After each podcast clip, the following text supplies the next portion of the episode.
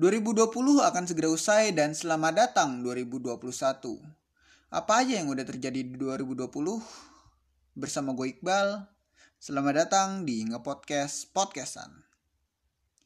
Ya, akhirnya gue punya rewind gue sendiri.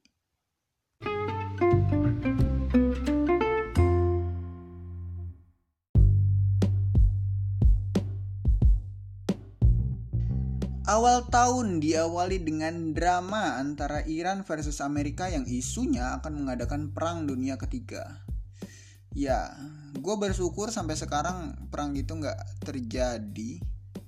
Perang yang harusnya menjadi akhir dari dunia ini. Oke, lanjut ke bulan Februari. Berita tentang virus corona yang menjadi momok menakutkan sudah tersebar ke seluruh dunia. Lalu bulan Maret, April, Mei, Juni, Juli, Agustus, September, Oktober kita dipaksa di rumah aja kecuali anggota dewan yang sibuk bekerja mengesahkan undang-undang yang banyak permasalahan di dalamnya. Ya, seperti biasa. Suara rakyat hanya dibutuhkan ketika pemilu atau pilkada.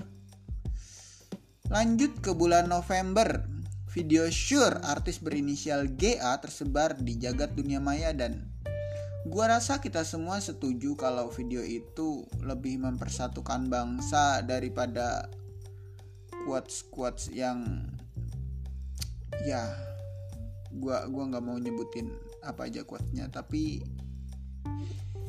oke okay, uh, eh, dan terakhir di bulan Desember seperti biasa drama pengucapan Selamat merayakan Hari Raya Natal masih menjadi pembuka dari berita-berita yang terjadi setelahnya.